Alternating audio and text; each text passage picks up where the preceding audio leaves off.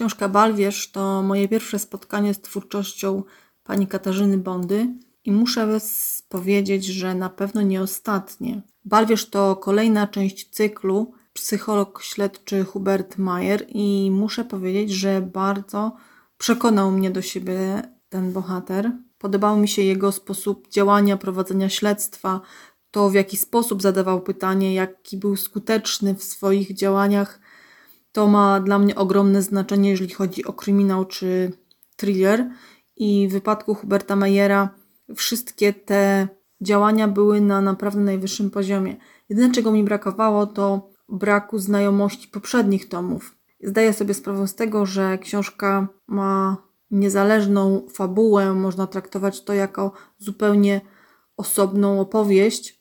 Jednak ta postać łącząca te wszystkie części ma dla mnie bardzo kluczowe znaczenie, a zwłaszcza te okruchy wydarzeń, które mm, miały miejsce we wcześniejszych tomach, bardzo, bardzo wzbudziły moją ciekawość i tak jakbym poczuła, że mam pewną lukę, jeżeli chodzi o mm, tego głównego bohatera oraz metody, metody jego działalności.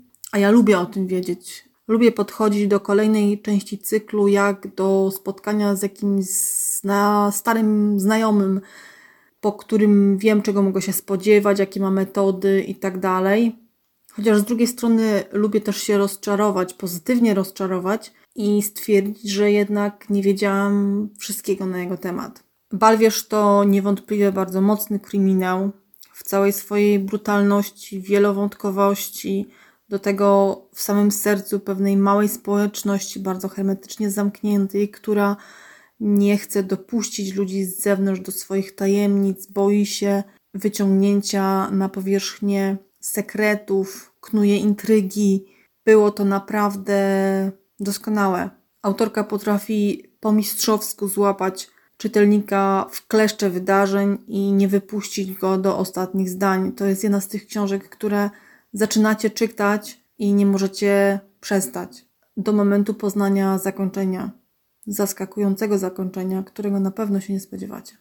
Dobry Bóg, podcast, w którym usłyszycie o dobrych książkach.